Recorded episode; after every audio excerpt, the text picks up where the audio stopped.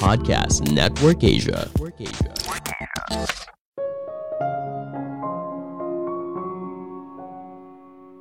Bersenang-senang ternyata bisa membuat kita merasakan hidup yang lebih baik.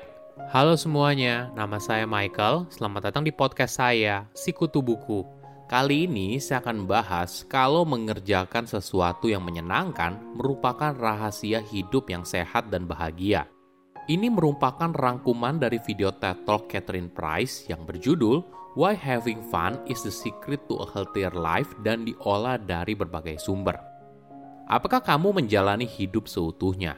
Atau kamu merasa hidupmu begitu monoton dan seakan tidak ada api di dalam dirimu? Kamu hanya menjalani hari demi hari hingga akhirnya kamu bertanya, apakah hidup gini aja? Apakah ada cara agar saya bisa merasakan hidup yang lebih hidup? Jika iya, kamu tidak sendirian. Banyak orang juga mengalami hal yang sama. Inilah yang akhirnya membuat mereka berusaha mencari apa tujuan mereka hidup. Namun kali ini saya tidak mau membahas hal yang berat-berat. Bagaimana bila kamu bisa merasakan hidup yang lebih hidup hanya dengan cara sederhana, misalnya dengan bersenang-senang. Nah, ini merupakan sesuatu yang baru buat kamu. Bersenang-senang bukan hanya aktivitas hiburan atau sesuatu yang tidak penting, tapi bersenang-senang justru merupakan sebuah keharusan apabila kamu ingin merasakan hidup yang sesungguhnya.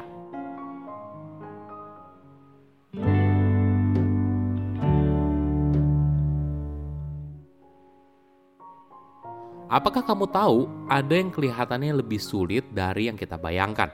Merasakan hidup yang sesungguhnya. Ya, kalau dilihat secara harafiah, mungkin saja kamu tidak merasakannya. Kamu bernafas setiap saat, bangun tidur, menjalani aktivitas sehari-hari, entah pergi bekerja atau pergi sekolah, pulang, bersantai sambil nonton TV, lalu pergi tidur. Walaupun rutinitas ini berjalan terus-menerus, tapi apakah kamu benar-benar hidup? Apakah kamu benar-benar menikmati apa yang kamu lakukan?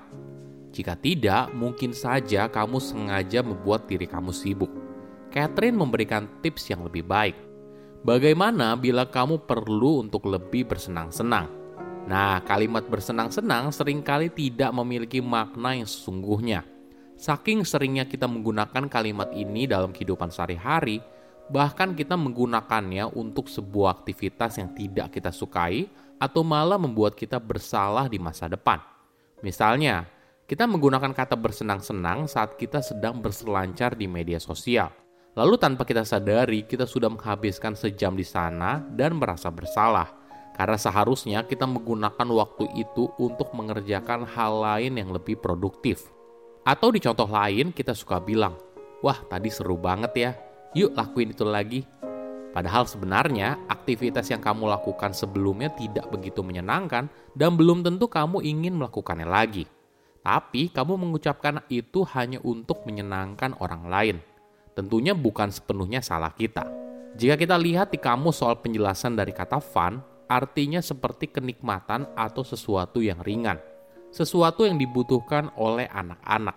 Sesuatu yang terdengar sebagai hal yang opsional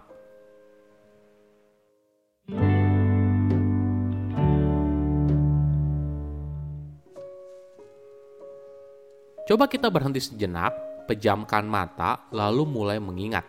Di momen apa kamu benar-benar merasa senang? Mungkin saja kamu akan kaget kalau ternyata momen itu jauh lebih dalam daripada hanya sekedar aktivitas yang remeh-temeh. Catherine mengumpulkan ribuan cerita dari berbagai orang di dunia. Menariknya, ketika mereka bersenang-senang, itu bukanlah sesuatu yang remeh-temeh, tapi itu merupakan rahasia untuk merasakan hidup yang sesungguhnya. Jadi, Catherine memulainya dengan kenyataan kalau senang itu adalah perasaan, bukan sebuah aktivitas. Kenapa hal ini penting? Karena ketika seseorang ditanya apa itu bersenang-senang, banyak orang sering kali mengkaitkan hal itu dengan sebuah aktivitas yang mereka sukai. Misalnya berdansa itu menyenangkan, bermain basket itu menyenangkan, dan sebagainya. Dalam risetnya, Catherine menemukan ada tiga faktor yang secara konsisten muncul ketika bicara soal sesuatu yang fun – yaitu playfulness, connection, dan flow.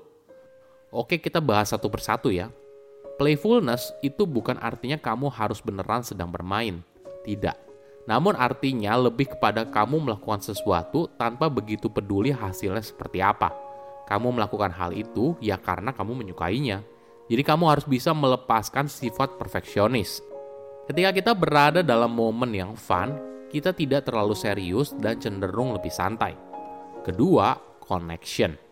Hal ini mengacu pada sebuah pengalaman bersama yang spesial. Namun tidak selalu harus bersama orang lain. Kamu bisa saja merasakan fun sendirian. Tapi mayoritas cerita yang didapat oleh Catherine berisi momen fun bersama orang lain. Ketiga, flow. Ini merupakan kondisi di mana kamu begitu fokus pada apa yang sedang kamu kerjakan hingga lupa waktu. Misalnya seperti seorang musisi yang sedang bermain musik, atau ketika seorang desain grafis sedang membuat desain dan sebagainya. Ketika ketiga hal ini kita rasakan bersamaan, maka momen ajaib terjadi. Itu adalah saat kita merasakan fun.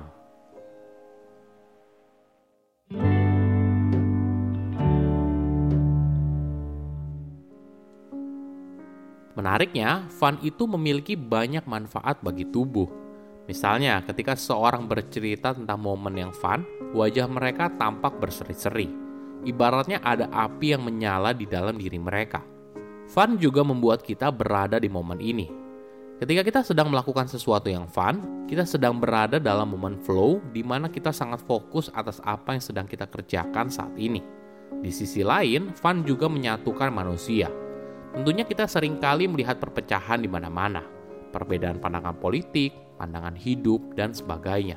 Namun ketika kita berada di momen fun, kita tidak melihat perbedaan itu di dalam diri orang lain. Kita melihat mereka sebagaimana manusia biasa, dan ini adalah langkah awal untuk menyelesaikan masalah bersama-sama. Fun juga bisa membuat kita semakin sehat. Pandemi tentunya memberikan dampak pada hidup kita. Ada yang tingkat stresnya meningkat, ada juga yang kesepian. Namun ketika kita bersenang-senang, maka kita akan lebih rileks dan terhubung satu sama lain. Ini yang kadang dilupakan.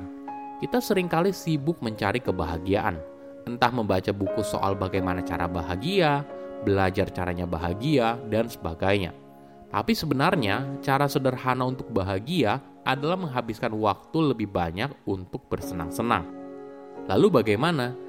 Gimana caranya agar kita bisa membawa lebih banyak fun ke dalam hidup? Mungkin terdengar klise, tapi alasan utama hidup kita tidak fun karena kita tidak membuat itu jadi prioritas. Kita terlalu serius menjalani hidup.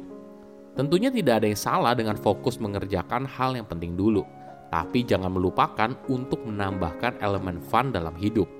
Misalnya kamu merasakan fun ketika menghabiskan waktu dengan seseorang. Nah, luangkan waktu dengan orang itu.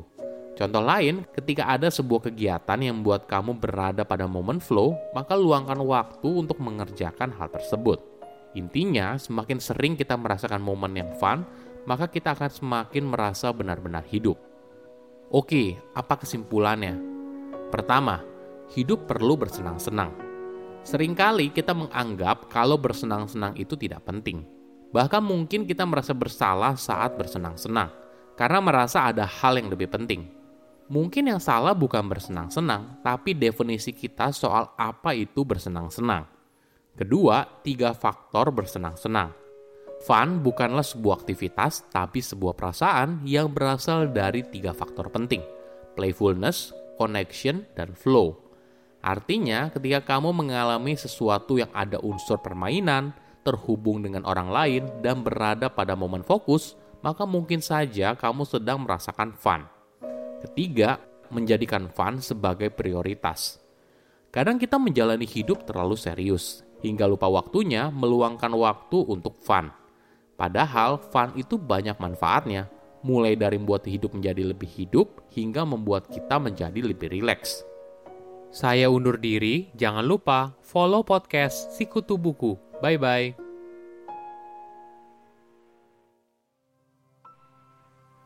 Pandangan dan opini yang disampaikan oleh kreator podcast, host, dan tamu tidak mencerminkan kebijakan resmi dan bagian dari podcast Network Asia. Setiap konten yang disampaikan mereka di dalam podcast adalah opini mereka sendiri dan tidak bermaksud untuk merugikan agama, grup etnik, perkumpulan, organisasi, perusahaan, perorangan, atau siapa pun dan apa pun.